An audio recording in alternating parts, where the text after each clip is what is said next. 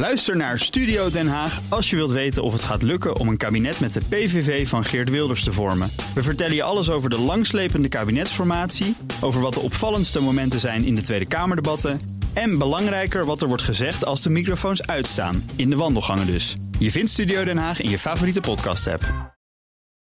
Auto-update. Autonieuws vanuit Broekhoff. Ja, de autopilot van Tesla is te manipuleren. We kijken nergens meer van op, hè? Nee. Nee. Onderzoek Consumer Reports, dat is een Amerikaanse consumentenbond. Die heeft een test gedaan met het Tesla Model I op een afgesloten circuit, dat moet ik er wel bij zeggen, waarbij de autopilot min of meer gefopt werd. He, ze hebben een zwaardere ketting aan het stuur gehangen, waardoor het lijkt alsof iemand nog het stuur vast heeft. Ze hebben de gordel gewoon ingeklikt en toen is die ingenieur van uh, de bestuurdersstoel naar de passagiersstoel gegaan. En toen heeft hij de autopilot aangezet. En uh, ik heb een stukje daaruit geknipt, want ze hebben het natuurlijk opgenomen. Luister maar even. And at this point, it was completely driving on autopilot with no one in the driver's seat. I kept my foot near the brake pedal just in case, but there were people standing by and we were in a closed facility. The car continued to follow the lines on the test track. There were no warnings that no one was sitting in the seat, no one was holding the steering wheel, and no one was looking at the road.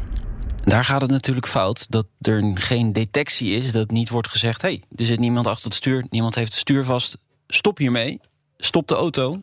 Uh, ja. Nou, dat, dat zit er dus niet in. Nee. Ja, afgelopen, is, ja, dit ja, is afgelopen, natuurlijk afgelopen weekend in Ja. Texas, daar wil je aan refereren. Ja, natuurlijk. Afgelopen weekend is er een fatale crash geweest in Texas met een Tesla. Volgens de politie zat niemand achter het stuur. Daarom is Consumer Reports dit natuurlijk gaan testen. Nou, ze zeggen dat kan dus.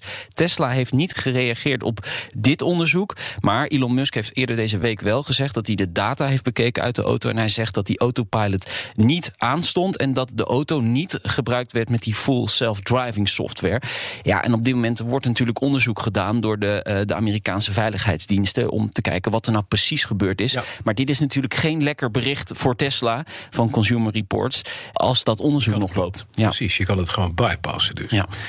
Dan, steeds meer auto's in Europa worden geëlektrificeerd. Ja, geëlektrificeerd. Dat is het goede woord dat je moet gebruiken. Bijna een derde van de verkochte auto's in het eerste kwartaal was geëlektrificeerd. Dat wil niet zeggen dat ze helemaal elektrisch zijn natuurlijk. Dat is nog altijd een beperkt aandeel. 5,7 procent van alle verkochte auto's in het eerste kwartaal was volledig elektrisch. De meeste auto's zijn nog altijd gewoon benzine, 42,2 procent. En ook diesel heeft nog altijd een best aardig aandeel. 23,2 procent van de verkochte auto's in het eerste kwartaal. De plug-in hybrids die gaan wel harder. En ook de gewone hybrides die gaan ook richting de 20 procent. Dus het, ja, daar zit wel wat uh, ontwikkeling in.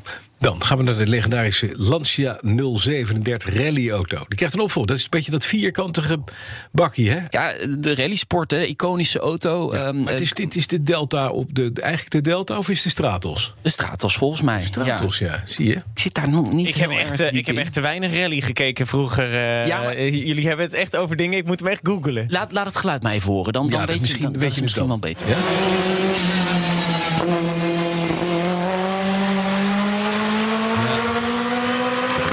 Onmiskenbaar. Ja, dit is toch ook dit is de afgeleide inderdaad van de, van de Stratos-achtige. Ja. De Stradale. De Stradale, inderdaad. Iconisch model uit de rallysport, groep B. Hè. Dat, daar, daar reed ook de Oerquattro van Audi. De Lancia Stratos zelf reed daar ook een hele tijd in.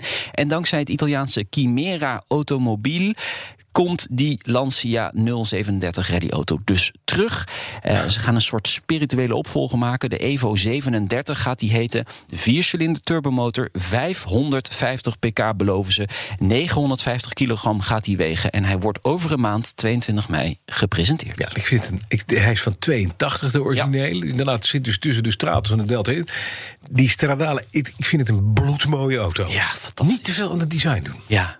Monaco maakt zich op voor de Grand Prix Historique de Monaco. Ja, Jazeker. Ja, schitterend evenement. Vorig jaar afgelast vanwege corona.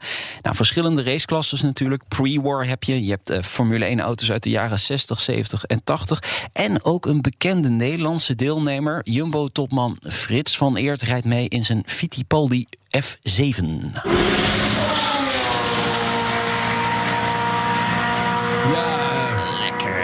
De Jumbo, daar kwam hij.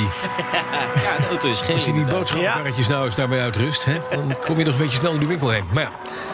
Nee, ik heb niet uh, gelogen. Hè. Ik zou vandaag gewoon lekker vroomgeluid meenemen. En, dat is er gekomen. Het gedaan. Heel goed. Heel fijn. Ja. Je mag nog even blijven. Oké, okay, gelukkig. Uh, bijvoorbeeld vanmiddag om drie uur, wanneer jouw collega's de Nationale Autoshow presenteren. Wat gaan we doen? Ja, we gaan het onder andere over Lightyear hebben. Jij, geloof jij erin? Gaat de auto er komen en nou, wordt het een succes? Ik zou het zo leuk vinden. Ja. die jongens uit Helmond gewoon een volledig elektrische auto die zichzelf in, met zon. Uh, uh, geen laadpalen en gewoon altijd door blijven gaan. Ja, er zit wel een mogelijkheid om hem natuurlijk gewoon even op een laadpaal te zetten. Maar het is handig als je hem buiten zet in de zon, zoals nu, dat je, dat je gewoon oplaadt. Het is toch, toch gratis energie, bijna. Ja. Ik, ik hoop dat het lukt. Nou, gisteren hebben ze een contract gesloten met Bridgestone voor de banden die ze gaan leveren. Dus ze zijn in ontwikkeling. Stap voor stap komen ze dichter bij het afleveren van die eerste auto dit najaar. Al doen ze er maar één. Ja. Weet je, het moet een beetje de Fisker van Nederland worden. Gaat ook gewoon echt op in een grote knal en dan is het voorbij, maar dan hebben we het wel gedaan. Juist. Toch? Goed gezegd. Vanmiddag om drie uur, de Nationale Autoshow. Terug te luisteren als podcast via de bekende kanalen. En daar vind je ook Petrolheads. De auto-update wordt mede mogelijk gemaakt door Leaseplan. Leaseplan. What's next? Bij BNR ben je altijd als eerste op de hoogte van het laatste nieuws. Luister dagelijks live via internet. Bas van Werven. En heel langzaam komt de zon op rond dit tijdstip. Je krijgt inzicht in de dag die komt op BNR, het Binnenhof in Nederland en de rest van de wereld. De Ochtendspits. Voor de beste start van je werkdag. Blijf scherp en mis niets.